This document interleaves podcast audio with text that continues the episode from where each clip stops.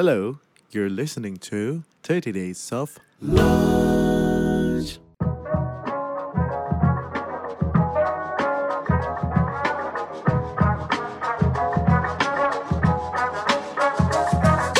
bahwa filosofinya adalah productivity itu mulainya dari energi. Kalau bisa manage energi produktif, hasil lo akan lebih produktif.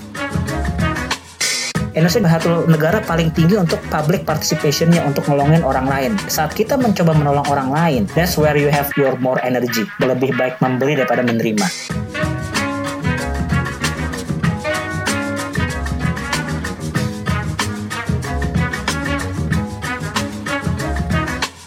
Biar kerja dan belajarnya lebih produktif, perlu ditunjang dengan device yang smart. Nah, Lenovo lagi ada promo. Setiap pembelian produk Lenovo tertentu bisa dapetin voucher Grab Gift. Bisa buat Grab Food dan Grab Mart. Segera kunjungi Lenovo Virtual Store di Blibli, JDID, Tokopedia, Lazada, dan Shopee. Info lebih lanjut cek di lenovopromo.com.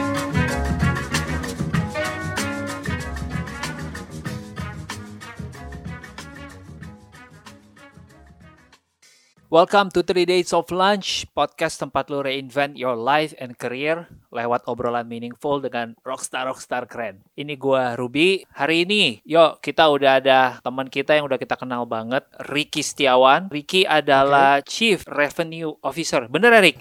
Betul banget Ruby, hayo. Chief Revenue Officer. Kita mau ngomong sama orang penting, jadi kita juga harus kasih title dulu ke diri kita sendiri. Kalau nggak kita nggak akan dapat waktu ini ya. Kita nggak akan dapat waktunya Ricky kalau kita nggak chief kayaknya. Mahal Jo. Gua gua sedikit kenalin Ricky ya buat teman-teman yang dengerin di rumah. Ricky ini adalah Chief Revenue Officer dari salah satu startup Indonesia yang karyanya mendunia. Uh, namanya Happy Five. Bukan obat yang namanya serupa. Happy Five itu udah dipakai sama BCA ya bro ya? Udah pakai beberapa klien-klien kita seperti BCA, Pegadaian. I see. Oke. Bahkan dipakai sama Excel juga sekarang. Oke. Banyak ya. Makanya gue senang banget bisa ngobrol sama lo berdua semua karena ya kita masalah tentang ngubah orang sih, ngubah mindset, ngubah to be more productive is all about changing people. We have the same agenda ya. Iya iya iya. Talking about productivity, talking about changing people for the better. Kita lagi ngerekam ini di masa belum-belum puasa. Ditambah lagi kita juga ngerekam ini dalam kondisi kita lagi self quarantine, PSBB, WFH, whatever the name gitu.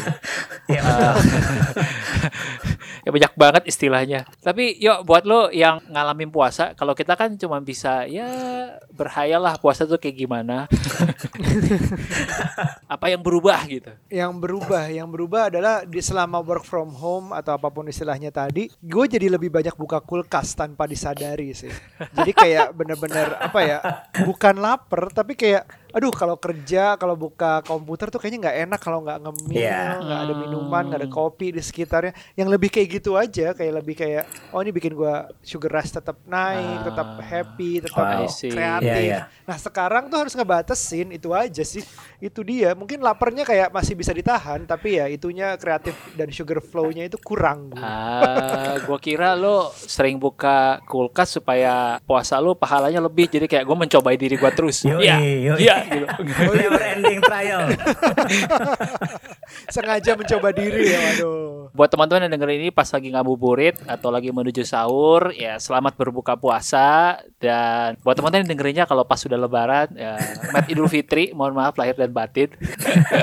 Ya, ini biar biar di, biar dikenang aja biar dikenang bahwa kita nyip- nyiptain podcast ini di saat puasa Dan- Betul. dan semoga kan suara gue nggak kedengeran lemes ya Salut sama Aryo sih sebetulnya. Kalau gue merubi kan gak puasa ya, tapi Aryo nih suaranya masih oke nih walaupun puasa nih.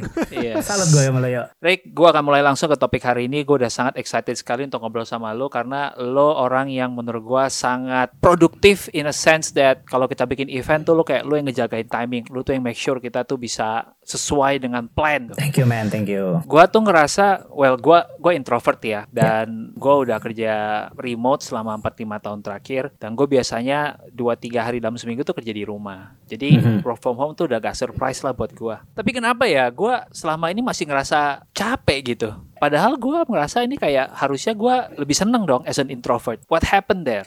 Ya, karena pertama introvert maupun extrovert kita mesti ngakui bahwa situasi yang kita hadapin sekarang adalah situasi yang gue sebut adalah mental fatigue atau kita nyebutnya kelelahan karena dari sisi mental. Mungkin fisik is another thing, tapi menurut gue adalah karena ada tiga situasi yang terjadi sekarang nih. Jadi terlepas apakah lo extrovert atau introvert, ini bisa dan gak heran Ya. kalau tiba-tiba lo juga merasakan kelelahan itu. Yang pertama adalah situasi ini situasi yang ada risikonya bahkan kita juga melihat sedihnya ada angka kematian mengenai virus ini kan. Jadi ini sesuatu yang serius. Yang kedua, situasi ini kita nggak tahu kapan berakhirnya. Itu lebih membuat tambahan pressure lagi terlepas dari apakah lo extrovert atau introvert. Dan yang ketiga, situasi ini bahkan bagi banyak orang ini mengurangi income bahkan kita harus tetap mengeluarkan pengeluaran. Buat teman-teman yang entrepreneur apalagi yang mesti bayar THR, terus mikir business continuity. Jadi maksud gue adalah terlepas lo introvert atau extrovert, tapi kalau lo melihat tiga faktor itu, sadar atau enggak kita akan punya namanya mental fatigue. Beda kan kalau kita liburan, nggak ketemu siapa-siapa, have fun, duit banyak, udah pasti lo nggak akan capek. Tapi situasi tiga yang berjalan bersamaan ini memang quote unquote menyikat semuanya terlepas lo extrovert atau introvert. Gue kenapa raise this issue?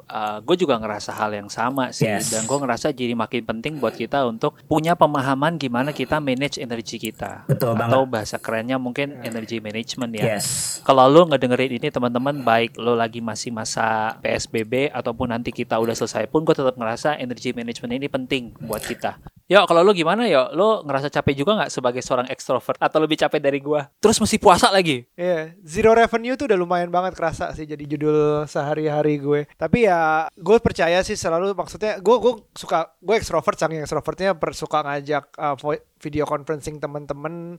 Uh, gue pesen makanan, gue pesen minuman sendiri lewat Grab gitu terus udah gitu gue ketemuan aja cuman untuk ngomongin hal yang gak ada hubungannya sama kerjaan. Kayak gue bener-bener perlu ketemu orang gitu, nggak cuman as much as I love my Hmm. wife and kids, gue tetap harus ketemu orang lain sih.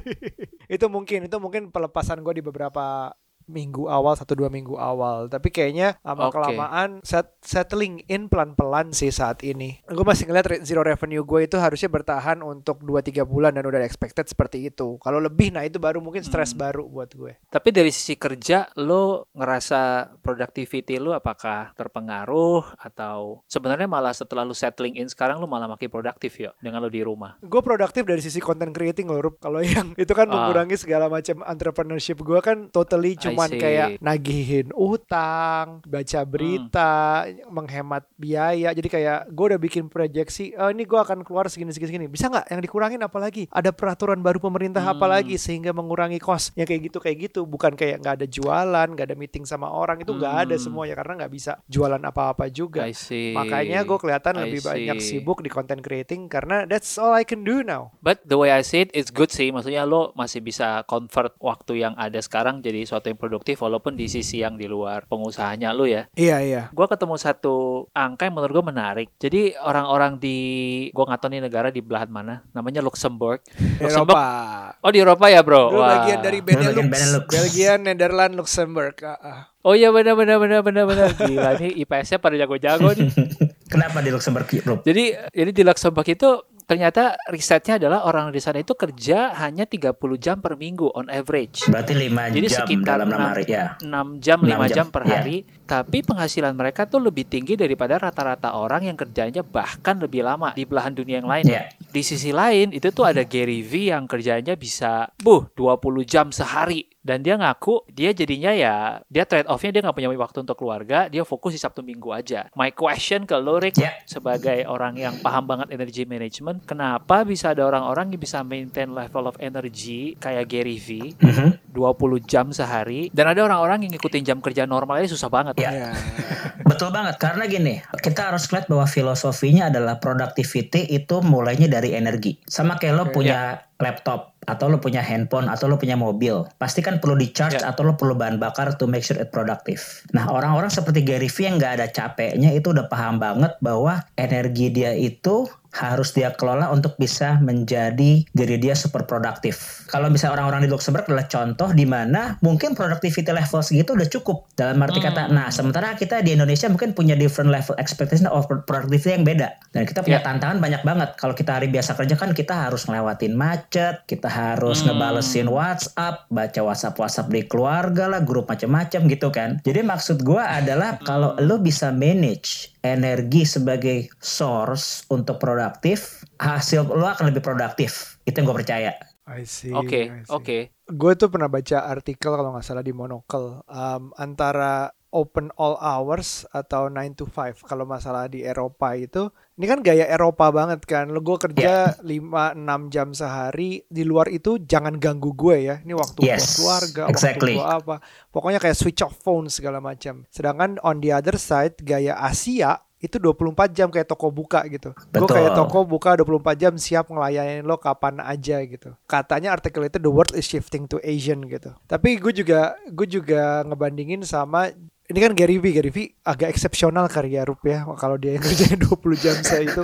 Kalau a lot of American juga kerjanya uh, kayaknya shifting uh, di tengah-tengah tuh mungkin antara Eropa sama Asia. Cuman gue ngelihatnya happiness level itu ada di mana juga. Jadi energi yang terpakai dari orang Eropa itu yang di full dipakai buat kerja doang cocok nggak untuk masa depan yang semakin kesentuh teknologi masih bisakah mereka berproduksi tapi tetap happy? Sedangkan di Asia yang gi- segitu rushnya dengan adanya teknologi apakah kita benar-benar lebih bagus? Tapi apa kita juga berarti lebih happy gitu? Energinya lebih kepake untuk terdistribusi bener apa enggak? Kita kan ngomongin energy management apakah terdistribusi bener untuk lebih produktif apakah terdistribusi bener untuk kehidupan pribadi lo Ya betul. Karena kedua-duanya kan perlu energi juga yuk. Lo mau er- mau buat kerja atau sekarang lo juga ngurus anak di rumah bahkan itu perlu energi juga kan. Jadi maksud gua kenapa konteks energi manajemen itu berlaku buat semua orang. Mau lo entrepreneur, mau lo karyawan, mau lo single, mau lo married dengan punya anak itu tetap akan perlu energi. Itu adalah satu hal yang nggak bisa kita pungkiri. Karena kalau nggak kita akan drain, kita akan stres dan pasti manifestasinya ke istri kita, ke anak kita. Karena mereka adalah sing- lingkaran terdekat dan satu-satunya nih sekarang nih. Jadi nggak heran kalau di Cina ya kalau tahu ceritanya bahwa banyak sekali terjadi perceraian karena ternyata memang tension tinggi, stressful dan baik lagi energi nggak bisa dikelola dengan baik menurut gua sih ujung-ujungnya sih. Bagaimana kita ngelola waktu, stres segala macam. Tapi gue jadi ngeliat bahwa energi itu berarti punya efek dua hal. Satu ke productivity, satu ke happiness. Exactly, Satu, bener eh, banget. Right. Jadi yang yang kita incar jadinya adalah kita bisa makin produktif atau kita bisa makin happy nih gitu. Ya, betul. Lo punya nggak, Rick, jadinya semacam guideline eh, gimana sih kita memanage energy management ini atau apa aja yang perlu kita perhatikan kalau kita mau manage energi? Oke, ini yang berdasarkan pengalaman dan pengamatan gua, termasuk juga ngeliat bagaimana Ya. orang-orang seperti lo yang pada bekerja. Gue ngeliat ada Ya. empat faktor yang diperhatiin dalam energi management. Yang pertama Ya, adalah ya. cara lo ngelola waktu. Oke. Yang kedua, cara kita ngelola mindset atau mentality kita. Yang Ya. ketiga, cara kita ngelola fisik atau tubuh kita. Dan yang Hmm. keempat, cara kita ngelola flow informasi. Empat faktor itu yang paling penting menurut gue dalam mengelola energi manajemen. Dan itu yang gue pelajari setelah sekian lama, itu yang gue terapkan ke klien-klien gue atau orang-orang yang gue coach. Karena pada saat mereka bisa ngelola empat itu dengan baik, harusnya momentum dalam situasi seperti ini justru bisa dijadikan sesuatu yang baik ujungnya. Kayak Aryo jadi lebih produktif sebagai content creator. Bagus dia nggak nggak bermuram durja dalam situasinya. Dia bahkan mencoba untuk berpikir kreatif. Tapi kan sampai kapan nih Aryo bisa punya energi tinggi terus? Berarti kan dia harus ngelola energi itu sendiri juga menurut gue dari empat hal yang akan dikelola itu. Waktu, fisik, mental, dan juga ngelola informasi. Bentar, ini menarik nih informasi. Gue mau mulai dari sini dulu karena ini mungkin buat teman-teman yang gak dengerin nggak kebayang nih apa hubungannya informasi sama manage energi gue, Jo. Oke, paling gampang adalah gini. Kita bertindak berdasarkan informasi yang kita dapat. That's the first principle. Nah, sekarang dengan situasi COVID ini, yang terjadi adalah kita mencoba mencari sebanyak mungkin informasi tendensinya Hmm. tentang COVID. Karena kita mau ini benar-benar selesai. Atau kita dapat secerca harapan kapan ini selesai. Masalahnya ini informasi yang bahkan seluruh dunia juga baru hadapi bersama. It's unknown territory for most of people. Tantangannya, kita punya perspektif kalau kita punya informasi lebih banyak, kita punya kendali lebih banyak. Padahal enggak. Hmm. Yang terjadi adalah kita makin stres. Karena kita ngeliat informasi dari TV, kita informasi dari Oke. WhatsApp, informasi dari Instagram, informasi dari email. Dan gak heran kalau informasi-informasi itu walau hanya teks atau visual picture itu membuat energi lo akan menjadi drain. Gue nggak bayangin ya perbandingan lo tuh kalau misalnya kita lagi nonton Olimpiade tuh Ya. Indonesia atau ASEAN Games atau ASEAN atau SEA Games Indonesia tuh medalinya klasemennya ada kan di mana kita ha- happy wow kita dapat emas kita apa kita happy tapi kita nggak bisa ngapa-ngapain juga kita happy aja kalau kita lagi di Ya. bawah kita nggak bisa bantu terus ke sana dapetin emas juga Exactly. bisa nah Betul. sebaliknya sekarang kita ngeliat berita corona sama lihat kayak model klasemen juga ada berita-berita yang kena terus meninggal terus sembuh nothing we can do juga untuk ngubah Exactly, angka karena nggak ada kendalinya di kita. Begitu kita dapat informasi yang stressful dan gak ada kendali di kita, udah pasti itu itu akan drain energi kita, Rup. Makanya gue bilang kenapa menurut gue informasi ini nomor satu filosofi adalah tahu kapan mesti mengolah informasi. Contoh, gue bangun pada jam misalnya jam 7 gue putar TV ataupun cek informasi soal COVID. Abis itu gue akan cek lagi jam 12 pas makan siang. Abis itu gue cek lagi sore, biasanya jam 5 jam 6 setelah eh, kementerian kasih update soal COVID Indonesia. Udah, Oke. Gue nggak akan coba mencari tahu sebanyak-banyak informasi soal COVID karena gue tahu pertama itu adalah useless karena gue gak punya kendali. Yang kedua, gue akan tambah stres karena informasi ini akan memenuhi kalau ibaratnya adalah slot di otak atau pikiran kita akan dipenuhi sama itu semua. Padahal menurut kita adalah menurut gue adalah itu adalah satu sifat yang bisa kita hindari dan kita manage informasi lebih baik. Gue nggak bilang informasi nggak penting, tapi cara kita mengelola informasi itu lebih penting daripada informasi itu sendiri menurut gue. Tapi untuk to put things in context, kalau misalnya kita lagi ngobrol di luar COVID deh, Ya, ini oke. anggap aja kita udah lewat atau misalnya udah gue nggak mau ngomongin COVID lagi gitu. Gue cuma pengen ngomongin konteksnya informasi dalam keseharian gua kerja supaya gue produktif gitu. Ya. Apa impactnya informasi ini sih, Jo? Oke. Anggap gue orang yang nggak konsum news sama sekali gitu. Oke. Eh, karena gue emang nggak bacain news sama sekali, Jo. Oke, nah berarti sebenarnya udah, udah cukup paham sih apa yang tadi pengen gue jelaskan berarti ya. Karena gini, tel- kalaupun kita di luar COVID, gue yakin Ruby sama Rio Ya. pasti ngalamin yang namanya interruptions. Interruptions. Oke. Jadi apakah itu melalui WhatsApp, ping-ping, apakah itu pertanyaan yang sifatnya remeh, segala macam, itu pun juga ngelola energi kita. Gue yakin apalagi buat teman-teman yang di dunia kreatif atau konten, saat lagi lo punya konsep, lagi punya flow pemikiran, tiba-tiba ada WhatsApp yang harus segera lo balas, ada flow informasi yang harus segera lo respon, itu akan mempengaruhi performance lo kalau bahasa gue. Jadi itu Oke. sebenarnya dalam mereka bahwa terlepas dari COVID atau enggak, cara lo konsum informasi itu matters banget pada productivity lo. Distraction Oke. ya, interruption, interruption Exactly. atau distraction. Jadi Distraction. kalau misalnya, eh, gue mau pesen makanan di Grab gitu misalnya, terus Ya. begitu gue ngelihat notifikasi di handphonenya, tiba-tiba ada yang message gue apa, apa pun di Instagram, di WhatsApp, gue buka message itu, ah lumayan seru nih, misalnya gosipin orang, cuman gak ada ngaruhnya sama gue, ya udah cerita, jawab, jawab, jawab, udah gak bisa itu selesai, gue taruh handphone. Awalnya gue mau ngapain? Mau pesen sesuatu yang nggak jadi. Exactly, exactly. Lo, lo udah ngebuang waktu kan? Nah baik lagi. Oke, jadi bentar-bentar. Ini mungkin bisa jadi alasan kenapa mungkin ada hubungan sama gue introvert juga, mungkin juga ini ada hubungan sama yang lu barusan ngomong. Hmm. Gua ngerasa gua itu sangat drain out sekali, capek banget ketika gua ngebalesin WA dan ngebalesin email. Ya, Buat gue ya, sejam ngebalesin WA dan email aja tuh gue udah kayak mau marah tuh nggak? Kalau gue bisa ngebanting, gue banting deh handphone gue gitu. Makanya gue ngebalas WA tuh nggak pernah di handphone, gue Iya. ngebalas WA tuh di laptop supaya gue ngetiknya bisa empat kali lebih cepat daripada gue ngetik di yes. Make sense. handphone gitu. Ya, karena gini, pada saat lo mengetik, Rup, orang nggak bisa baca ekspresi lo, dan lo jadi semakin berhati-hati Oke. menyampaikan informasi kan. Jadi kan lo kayak ada ener ada energi lebih untuk gue tulis kata-kata apa ya. Sebenarnya kan kalau kita lihat muka, misalnya kalau kita lagi melakukan uh, video conference, kita bisa lihat muka Ruby ngomongnya lagi bercanda, ngomongnya lagi Iya. serius. Jadi kayak gue nggak perlu put extra I effort untuk put right word in text. Apalagi kan orang suka salah paham gara-gara teks. Jadi wajar banget orang itu emang lebih habis energi pada saat texting.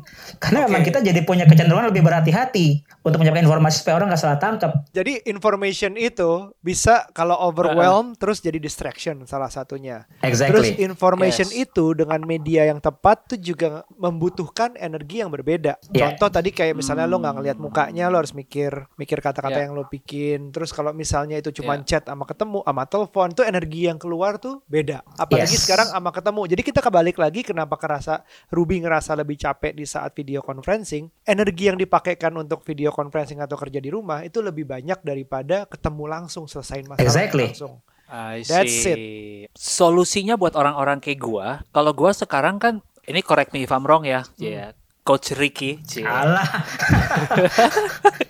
Gila, gue belajar dari lo sob. gue akhirnya ngotak-ngotakin jamnya gue gitu kayak gue cuman mau nge WA kalau jam makan siang misalnya atau jam-jam gue lagi idle yang memang gue nggak lagi pakai otak gue buat kerjaan kreatif Iya. gitu karena gue nggak mau diganggu kalau gue lagi at my most creative is it the only solution atau ada solusi lain Jo? Oke, ini jadi bisa mengarah ke topik yang nomor satu yang namanya time management, Rub. Karena gini, Oke. untuk mungkin untuk pekerjaannya Ruby sebagai content creator, Ruby bisa punya waktu untuk ngeset kapan mau ngebales. Tapi kalau buat gua Hmm. seorang yang handling sales sama handling clients, klien maunya kan dibalasnya cepet. Iya. It need different pace of energy juga. Tapi biasanya benar kata Ruby bilang, biasanya gua akan punya waktu tertentu dalam satu jam, misalnya misalnya satu eh, misalnya 10 menit sebelum satu jam itu berakhir, misalnya di 7.45, gue baru ngebalesin semua WhatsApp gua. Jadi dari jam 7.01 sampai 7.44 gue akan coba buka eh, email, bikin proposal, bikin konten. 7.45 ke atas gue akan baru ngebalesin semua WhatsApp WhatsApp gue. Karena gue punya filosofi klien at least juga paham kalau setengah jam baru dibalas dalam situasi WhatsApp. Kalau dia urgent dia akan telepon. I see. Jadi wa- terlepas dari eh, pekerjaannya apa, itu yang namanya balik lagi ke masalah waktu. Bagaimana lo ngelola namanya prioritas. Bagaimana lo membagi-bagi. Sebenarnya kan setiap hari mau kita WFH atau nggak WFH kan sama-sama 24 jam. Mau lo Donald Trump, Iya. mau kita bertiga di sini semua juga punya 24 jam yang sama. It's all about how you allocate the time to make you more productive.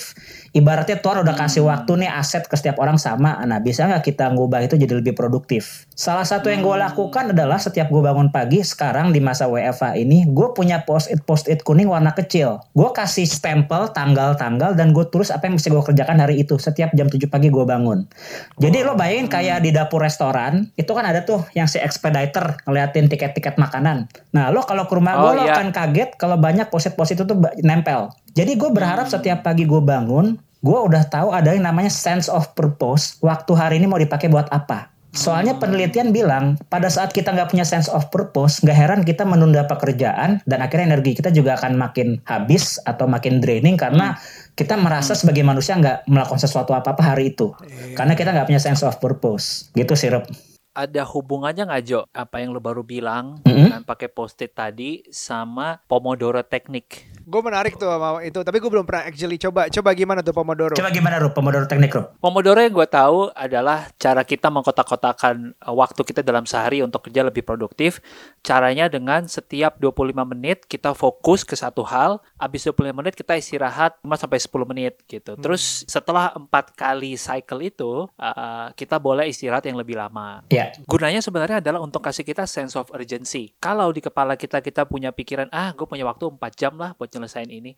Kita jadi kayak ya udah take our time aja santai. ya procrastinate. Kita akan menunda. procrastinate gitu. Iya. Tapi kalau Iya. ketika kita tahu eh gue cuma punya 20 menit nih dan kita jadi kayak oh the power of kepepet gitu loh. Ya, betul. Gue nyoba ini sih awal-awalnya eh, it works, it works, but itu bikin gue juga kayak super tinggi anxiety-nya atau nggak kayak I need to get this done quick gitu Iya, kayak iya, iya, iya. wah gitu. Kalau gue ngeliatnya gini, setiap orang punya pendekatan yang berbeda-beda, tergantung scope pekerjaannya sih. Kayak gue kan sebagai sales and business development, Ruby sama Aryo mungkin di content creation, mungkin beda eh, apa tuh pendekatan mengenai waktunya. Tapi filosofinya sama. It's all about sense of purpose, write it, and getting it done. Itu aja. Oke. Jadi terserah lo mau pakai yang si apa tuh Pomodoro teknik atau mau pakai teknik yang namanya SWOT apa tuh yang pakai teknik namanya ada yang namanya eh, Eisenhower window. Oh wow, oke. Eisenhower window. diciptakan oleh Eisenhower mantan panglima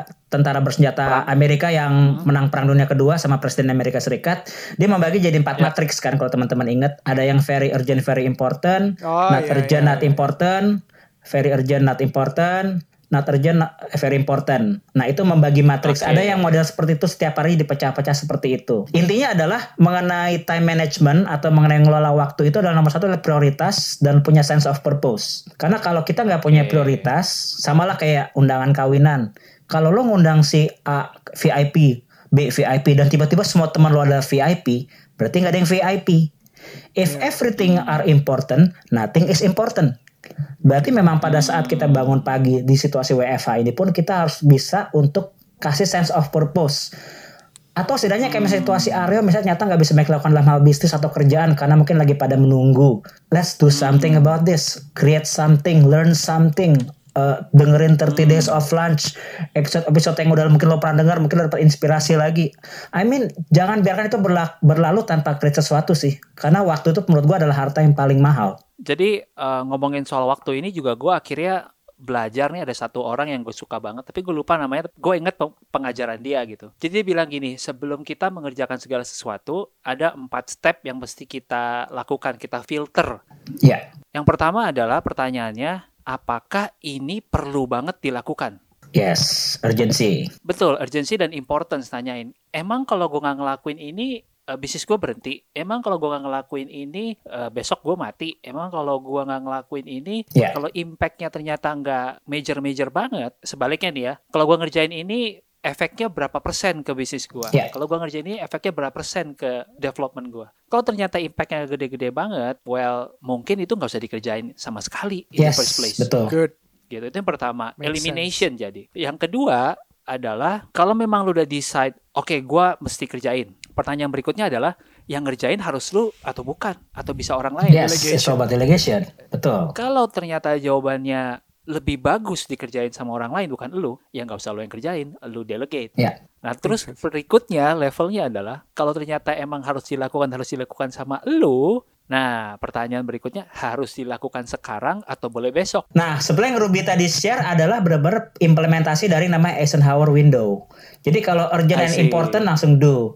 Not urgent, not important, just skip. Iya, important, iya. not urgent, later. Not Iya. not important tapi urgent, can we delegate? Jadi sama banget. Actually, lo udah melakukan itu dengan dengan Eisenhower window. Ah, Gue gue gue mau nambahin dikit tentang prioritas ya. Gue satu hal yang nyokap gue as a businesswoman banyak ngajarin banyak hal. Tapi satu hal yang gue nggak ikutin dia adalah ada setiap kali ada calon bisnis baru itu harus dicoba. Bagi gue dengan dia dengan prinsip kalau nggak baik lo nolak rejeki gitu. Tapi Hmm. bagi gue ini um, Hmm. part of management termasuk time, money, inda, apa segala macam energy management itu harus harus Ya. menentukan prioritas sih. Walaupun itu ujungnya juga duit, bisa aja. Bisa Ya. aja duit ada yang ada yang gede banget ukurannya beda, misalnya juga duit tapi kecil atau duit tapi gede atau duit tapi halal atau haram tuh juga bisa.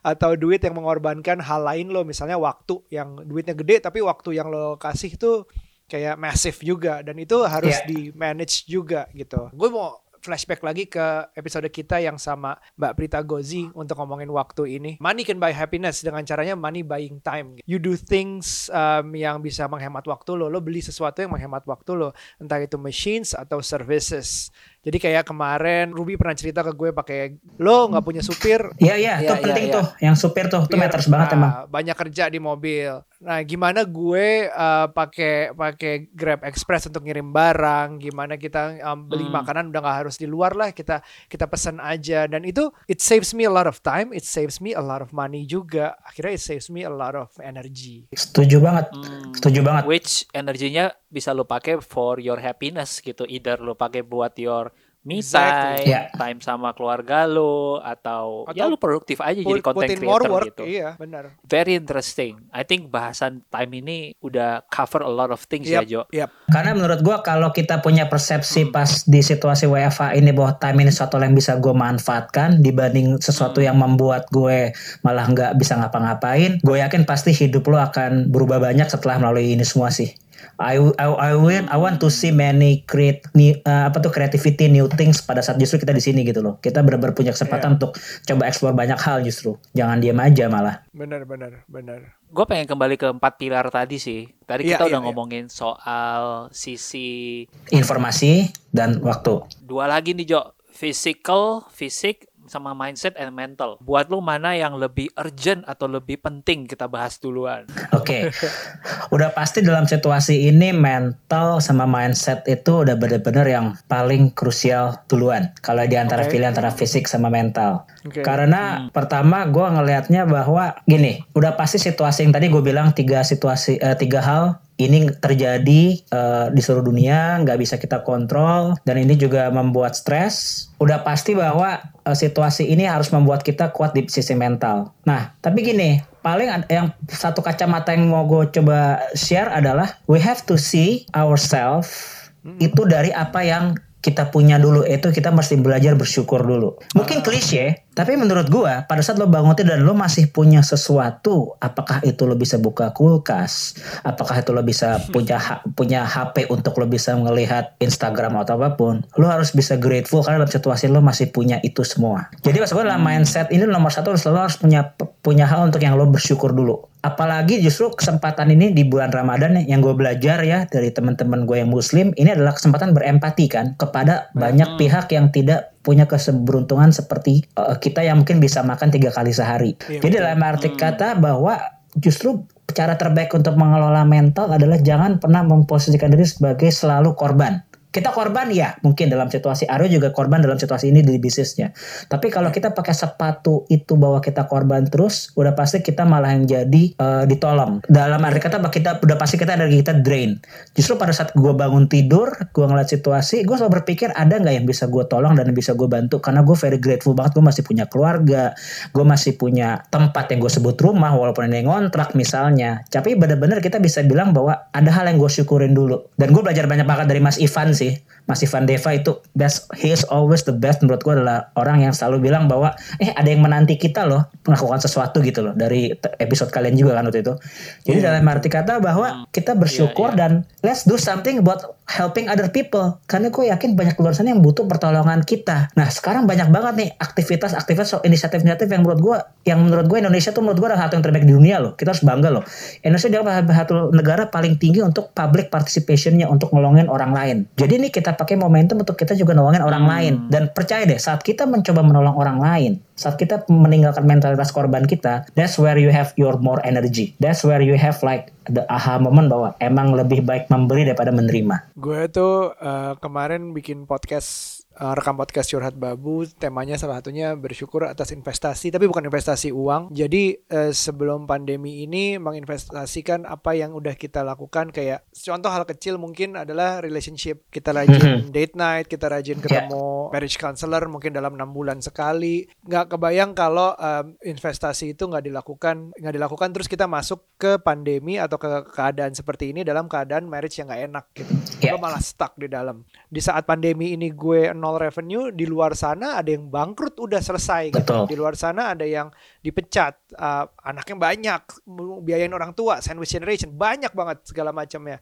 Dan menurut gue baik lagi ya, di sini banyak banget inisiatif yang bisa kita lakukan buat berbagi sih, menurut gue. Iya. Kan sekarang juga situasi-situasinya kan nggak membuat semua teman-teman asisten rumah tangga kita bisa mudik misalnya. Iya.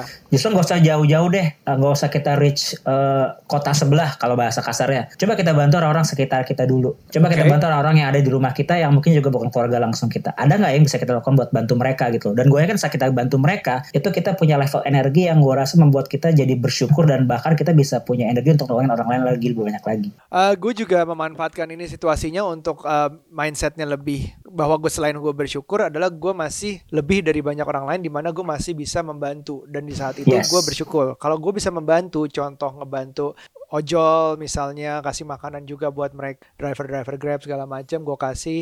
Itu tujuannya selain bu- bantu mereka dan bantu ekonomi jalan tapi juga bantu diri gue untuk saying to myself eh ternyata gue masih punya duit untuk berbuat betul lebih. banget, betul banget. dan dan dan itu gue pikir ya udah deh I'm fine I can say to myself that I'm fine I'm okay I'm still okay gitu Yes, Bener ya yang Mas Ivan bilang bersyukur adalah energi. Betul banget. benar benar Betul banget. benar. 100% tuh Mas Ivan bener banget. Lanjut ya. Yuk lanjut. Tadi mau bahas lebih santai namanya main game loh. Jangan lupakan untuk main game ya. Oh. Sediakan waktu buat main game. Gue itu punya waktu main Nintendo Switch sama anak gue bahkan. Serius. Kalau dia mainnya Just Dance, gue mainnya yang lain-lain lebih RPG, Oh, segala macam. bukan Karena- itu ya bukan Animal Crossing ya Ah, untung gue belum kena itu sih. Karena kata-kata temen gue yang udah kena sih katanya tuh itu impactnya parah banget sih. ya, ya, ya, ya. Nggak, karena gini, filosofi main game adalah at least walaupun dalam situasi WFH ini, lo punya mindset menyelesaikan sesuatu. Ada objektif, ada menyelesaikan sesuatu dan itu fun. Jadi mudah-mudahan ada hal-hal kecil mungkin lo pikir ah main game apa sih impactnya? Percaya deh, main game itu satu terapi untuk ngelola energi lo, di mana lo punya kesempatan untuk jadi alter ego lo yang lain dalam permainan itu. Ya. Lo create sesuatu, lo bahkan solve sesuatu challenge. Nah, cuman balik lagi waktu ngelola waktunya aja yang mesti di manage sih. Nah itu ntar balik lari ke fisik soalnya. Oke. Kalau lo main sampai begadang sampai jam 3 sampai jam 4 sama juga bohong. Tapi Iya, iya, game iya. menurut gua eh, bener sih game deket sama fisik. In my case game itu gua pakai buat olahraga. Apa itu game apa? Yang motion ya, yang motion ya, pakai gerakan ya. Iya, jadi istri gua memang visioner ya kayaknya ya. Jadi tahun lalu tuh kita iseng-iseng beli VR. Oh. Oculus, beli Oculusnya dari Facebook gitu. Terus ada satu game di situ namanya Beat Saber. Jadi bayangin lu kayak punya lightsaber di Star Wars gitu. Terus lu pakai buat mengiris-iris begitu banyak panah-panah yang kayak lu main DDR zaman dulu Iya iya iya. gitu. Nah itu jadi kayak gila burn calories banget men. Gue bisa setengah jam main itu ya keringat gue basah main beneran. Ini curhat ya. Itu bahkan gue pakai Switch sekarang udah ada namanya yang boxing loh. Serius? Gue pakai itu sekarang untuk olahraga. iya. Jadi ada boxing. Dan kalau lo cek di online online shop, games-games yang kayak Zumba boxing tuh harganya meningkat jauh. Dan bahkan stoknya udah makin habis. Nah baik lagi ke fisik. Contoh fisik adalah tentang bagaimana lo ngelola tiga hal. Ada tentang bagaimana lo ngelola makan udah pasti. Nah buat temen-temen yang puasa justru gue pengen ke Aryo nih. Jertinya gimana? Lo ngelola tidur kita dan ngelola gerakan badan kita. Gue berharap dalam segi makanan ya eh, masih menganggap bahwa keadaan kayak gini walaupun ada yang eh, cerita-cerita curhat gendutan itu lebih karena kayak you lo lebih baik overeating daripada undereating di saat kayak gini karena imunitas Exactly. imunitas Exactly. penting. Jadi kalau ngeluh gemukan karena lucu-lucuan aja ya udah nggak apa-apa. Jangan stres kalau lo gemukan selama itu masih kayak sedikit lah tolerable lah nggak bukan nggak sampai obesitas gitu. Dan di saat puasa ini Iya. Pastiin lo makannya di luar jamnya berpuasa itu cukup dan nutrisinya kuat. Jangan lupa suplemen-suplemen, jangan lupa tetap Hmm. keluar untuk vitamin D, jangan lupa vitamin C dari buah-buahan, dari sayuran segala macam. Nah, itu kan Hmm. kadang-kadang kalau puasa kan maunya begitu buka bu- manis-manis aja Bablas. gitu. Bablas Ah. banyak dan manis dan karbo. Jangan lupa Iya, balance-nya. Dan kalau misalnya itu lo nggak sanggup, Iya. mungkin mungkin nih gue nggak tahu gue bukan ahlinya, mungkin bisa lebih baik untuk imunitas lo. Jadi jangan lupa jaga Hmm. imunitas di saat puasa ini. Iya iya iya. Kalau dari gua mungkin yang paling kena banget soal makan ya bener ya yo. Gua ngerasa Iya. the first three weeks ya gua itu karena kita nggak bisa keluar keluar. Jadi kita nggak punya entertainment kan. Dulu tuh Iya. lu bisa entertainmentnya ya lu nonton, lu hangout, lu ngopi, lu ngapain lah gitu. Bahkan olahraga aja lu masih bisa lari keluar gitu. Karena sekarang gue di rumah terus, jadi entertainment gue pada the first 3-4 weeks adalah makan. That's my... Makan tuh Karena entertainment makan ya. itu kan masukin gula dan menghilangkan stres kan. Quote Iya. Saya ini gitu. begitu kan. Eh, Sugar. bener bener tapi jadinya jadinya it's good for the short term it's bad for the long term gitu. Dan Iya, ketika exactly, gue mulai exactly. ngerasa wah kok malah energi gue makin low ya ketika gue uh, binge eating ini gitu. Karena kalau gue masukin gula gue happy sejam dua jam abis itu ketika sugar drop gue crave lagi gitu. Dan gue akan lebih capek gitu. Jadi setiap kali lu udah naik banget lu jatuh ke bawah lu Yes. mesti butuh lebih banyak lagi untuk naik lagi gitu. Nah di situ gue ngerasa wah nggak bisa nih cycle-nya harus berhenti gitu. Nah, gua waktu itu akhirnya kayaknya gue mesti nambahin sayur nih di dalam dietnya gua Iya, gitu dan benar, kurangin ngemil. Gua sekarang tuh udah langsung bayar di muka. Gua book program makan salad dikirim pakai Grab eh, ke rumah gua Oke. setiap Senin, Rabu dan Jumat gitu. Sekali datang Oke. itu adalah bahan gua makan salad buat malam itu sama besok pagi. Jadi gue Ah. pastiin setiap hari gue ada satu porsi salad atau sayur yang masuk ke dalam badan gue gitu. Rasanya beda setelah gue jalanin udah masuk minggu ketiga. Wow. gue exercise nggak heboh lah 20 menit plus yang tadi main VR. But I lost about 2 kilo sekarang dan badan gue jauh lebih fit. Wow. So energy is good now. That's It's back to cool. normal. Yes, kalau boleh di di recap sih satu kata sih seperti tadi Aro sempat bilang baru bisa bilang adalah tentang managing sugar intake sih. Karena lo mau makan nasi, mau makan gula-gula whatever ataupun kolak, karena sugar itu memang bikin energi boost, tapi jebakannya adalah nanti akan ada fase-fase darurat yang kita harus kejar lagi. Hmm. Dan mas gue dengan opsi sekarang kita udah harusnya bisa dapat opsi makan yang sehat bisa di mana aja. Hmm. Bener kata Aryo bilang tadi tinggal lihat handphone, pilih yang mau lo pesan misalnya, udah makanan itu harusnya udah bisa. Untuk, Iya. Jadi nggak ada excuse lo untuk bisa nggak makan sehat. Iya, you, iya. you can do it gitu. Ya, ya, Iya. ya, ya. Olahraga gue makin loh. Justru di rumah tuh hampir tiap hari sebelum puasa. Sekarang gue lagi Hmm. managing energi gue untuk bisa olahraga di sekitar jam ngabuburit gini. Ah, Tapi uh, perbedaannya sekarang the new normal adalah olahraganya sekarang banyak banget yang di rumah yang cari jalan sendiri.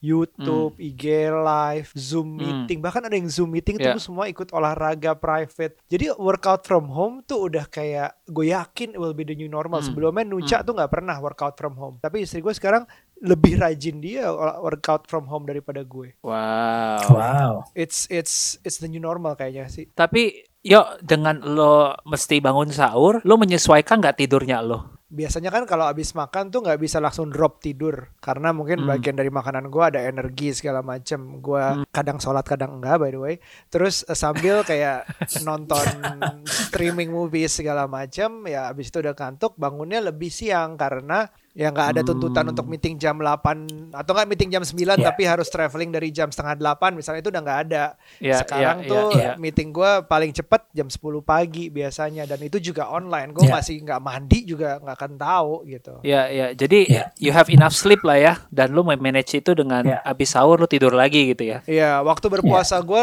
lebih agak nambah jam tidurnya. Kadang-kadang bahkan bisa sempat tidur siang setengah jam atau jam oh, gitu. that's good. Bedanya that's itu. good.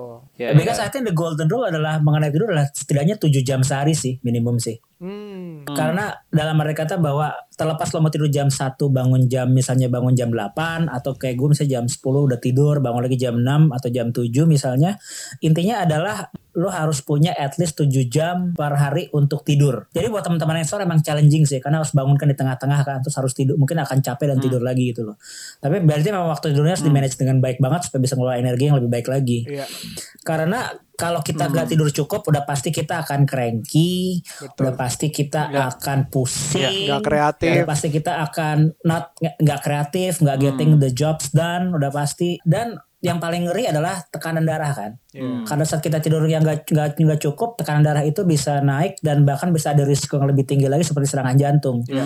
Jadi uh, justru sleep atau tidur itu malah yang paling sering di underestimate Waduh. mengenai energi manajemen. Waduh. Menurut gue malah itu adalah energi manajemen yang paling prinsipal tidur. Gue kadang-kadang pengen pakai analog watch, tapi smartwatch itu juga ngebantu banget sih untuk ngukur Hmm. olahraga lo, gerak lo, plus ngukur tidur lo. Tapi ya, Ya. karena gue suka analog watch, gue ganti-ganti pakainya, gue bolak-balik aja. It's really good. I, I think that's a good investment sih. I think that's a good investment. Karena juga menurut gua nggak terlalu mahal ya. Hmm. Maksud gua adalah ya, untuk untuk investment ke kesehatan lo dan itu kan untuk alat monitor kesehatan lo. Iya, menurut iya, gua itu iya. is a worth investment apa yang Aryo bilang. Iya, iya. Ngomongin soal tidur butuh 7 jam, gue jadi pengen mengambil beberapa saat ke depan untuk kita berdoa buat Gary V. Semoga doi nggak kena nggak kena serangan Gila jantung ya. Kerja 20 jam gitu. Ya karena gini ada cerita di India. Mm-mm. Dia adalah CEO-nya SAP, Ya. SAP uh, software. Oh ya. Dia itu rajin makan sehat, dia itu Ya. rajin olahraga, Ya. tapi tidur cuma 4 jam sehari. Hmm. Pada suatu hari dia meninggal padahal usia masih 40 tahun. Mm-mm. dia meninggal karena serangan jantung. Ya itu I pas di track nyata makanan tidurnya nggak cukup. I I, will send you the link nanti kalau nyata lo mau tahu cerita story itu atau buat buat di share. Bahwa menurut gua adalah sleeping matters banget sih. It's a very critical. Dan Yeah, sleeping yeah. itu balik lagi ujungnya balik lagi ke mental. Kalau Yeah. mental kita stres kita pasti nggak bisa tidur. Kalau mental kita nggak tenang kita pasti nggak bisa tidur. It's all about trust. Nah trust ya berdoa segala macam seperti yang Mas Ivan selalu bilang lah bersyukur berserah itu pasti Hmm. ada hubungannya sama mental kita untuk kita bisa tidur dengan baik. Setuju. Dan tidur aja ada levelnya ya. Deep, Iya. REM, light sleep segala macam. Iya, itu ada Iya, level-levelnya. Ya, gue nggak mendalami banget sih. Tapi intinya gini, gue paling sedih kalau ngeliat teman-teman yang dalam usia prime produktif tapi kurang tidur. Maksudnya gini, kalau kita ngeliat kayak atlet sepak bola atau atlet sepak atlet basket kan prime-nya adalah umur 25 sampai 32 kan. Ya, gue udah nggak Sebenarnya itu bisa sama. dong. Nah itu sama, itu umur prime-nya manusia. Itu ibaratnya metabolisme manusia itu lagi paling bagus-bagusnya umur segitu. Nah jadi pada kalau lo punya umur segitu di dalam range umur segitu, you are in your very best prime time in physical. Iya. Jangan sampai diruin, dirusak dengan kebiasaan tidur lo yang nggak baik. Iya, betul. Gue nambahin sedikit ya bahwa jadinya tidur itu bukan cuma soal quantity, tapi juga soal quality. Kalau tadi Arya udah sempat bilang tidur itu ada beberapa stages ya juga kan. Ya betul. Yang gua ngeri sekarang juga adalah kebalikannya justru bukan cuma orang yang kurang tidur, tapi orang kebanyakan tidur menurut gue juga Oh, ada ya. efek negatif ya lucu. Betul banget. Betul. Emang ada efek negatifnya.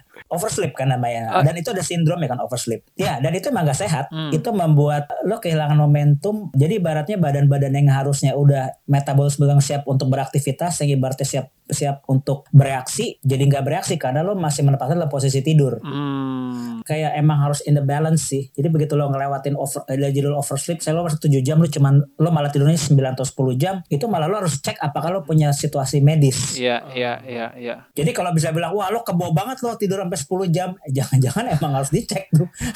Something is not right ya. badan. Something is not right juga gitu loh. To conclude jadi kayak ini ya, jadi kayak quotes-nya Napoleon Bonaparte gitu. Waktu ditanya Apa dia apa? dia ditanya kan kayak berapa lama sih harusnya orang tidur gitu. Dia bilang eh, six for a man, seven hours for a woman, and eight hours for a fool.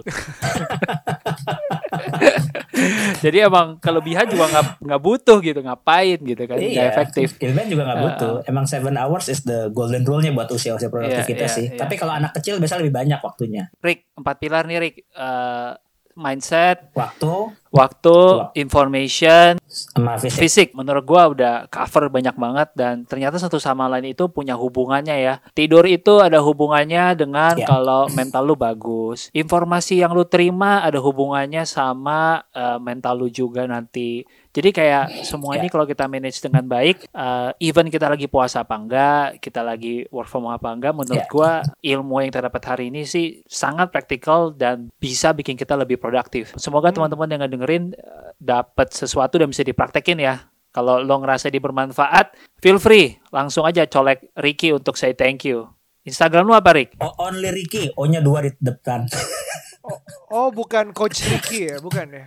Bukan, bukan, bukan. Nah, ya, jadi gini, gue mau nambahin nih, Rup. Iya. Yang tadi empat, bil- empat pilar lo bilang, itu semua connected ke satu device namanya mobile phone kita. Oke. Kita bisa nggak bersyukur karena kita ngeliat kehidupan orang lain. Kita bisa nggak tidur, kita bisa punya habit makan yang jelek karena kita ngeliat makanan orang lain. Kita bisa Hmm. ngelola waktu kita jelek karena kita sibuk julid sama konten-konten yang menurut, menurut kita nggak relevan atau eh, yang sorry yang yang malah nggak relevan dengan kerjaan kita. Dan sebaliknya juga kita bisa tambah stres karena kita ngelo overload information yang bikin kita malah nggak produktif karena kebanyakan informasi soal COVID. Ya. Jadi energi manajemen itu kalau di titik satu titik kesimpulan adalah gimana cara lo ngelola benda yang paling dekat dan paling banyak kita lihat adalah handphone kita sendiri. Kalau kita pakai handphone itu dengan wise dalam hal ngelola waktu, dalam hal ngelola energi fisik lo, Iya. mental Iya. lo, dan bahkan Iya. ngelola informasi lo, you'll be productive in life. You'll be have a great energy. I believe that. Cuman sayangnya kita sering kehambat di apa yang ada di tangan kita sendiri itu handphone kita sendiri. Hmm. Yang tadi gue sempat share. Jadi make sure banget kita bisa manage well with our mobile phone and I believe we can be more more productive because we have more energy. Cakep, Cakep, cakep, banget, cakep, cakep cakep. banget. Thank you bro. Thank you guys. Ki, gue appreciate banget nih, thank you banget um, ilmunya dan Thank you juga, yo. Thanks for having me, Gue- man. Gue happy banget. um, pilar-pilar ini yang namanya juga pilar. Kalau satu nggak kuat juga bisa roboh semuanya, bisa terganggu semuanya. Jadi ya kita harus kayak Yeah. benar-benar put an effort in all of them, not just one of them. It doesn't Yeah. work that way. Dan thank you juga buat yang udah dengerin karena gue mau buka puasa sebenarnya. oh iya udah 17. Iya iya Oh, iya. mau buka puasa. Berfaedah banget yang ngabuburit ini kali ini ya. Anyway, anggap aja rutinitas. em, mengulang rutinnya kita tahun lalu kita buka puasa bersama sama teman-teman pendengar 3 Days of Lunch. Mungkin kalau teman-teman interested, teman-teman bisa DM ke account Instagram kita at 3 Days of Lunch. Kita mungkin bisa bikin seseruan, kita online bareng eh, via Instagram atau via Zoom. Eh, kita bisa order makanan bareng, mungkin kita bisa seseruan. Gua kirimin lu makanan deh pakai GrabFood. Cie. Eh, Yeah. nanti kita buka bersama. Kenapa? That's a Karena good idea. kita juga ada satu partnership, kita juga ada satu kejutan yang kita siapin buat teman-teman dan ada hubungannya sama Lebaran. Nah, Hmm. kita tunggu ya. Jadi kalau mau gimana caranya, Rob? Kalau mau, teman-teman DM aja ke kita di 30 Days of Lunch di Instagram. Nanti kita akan kontak dan kita lanjut di sana. Bulan Mei uh, akan jadi bulan yang menarik karena suatu partnership mulai di 30 Days of Lunch dan thank you juga ke kalian. Semoga makin banyak podcast dari 30 Days of Lunch yang bisa ngebantu sama-sama, ngebantu lo, ngebantu gue dan I'll see you in the next one. See you guys. Stay safe, stay healthy, stay productive. Thank you. Bye. Bye.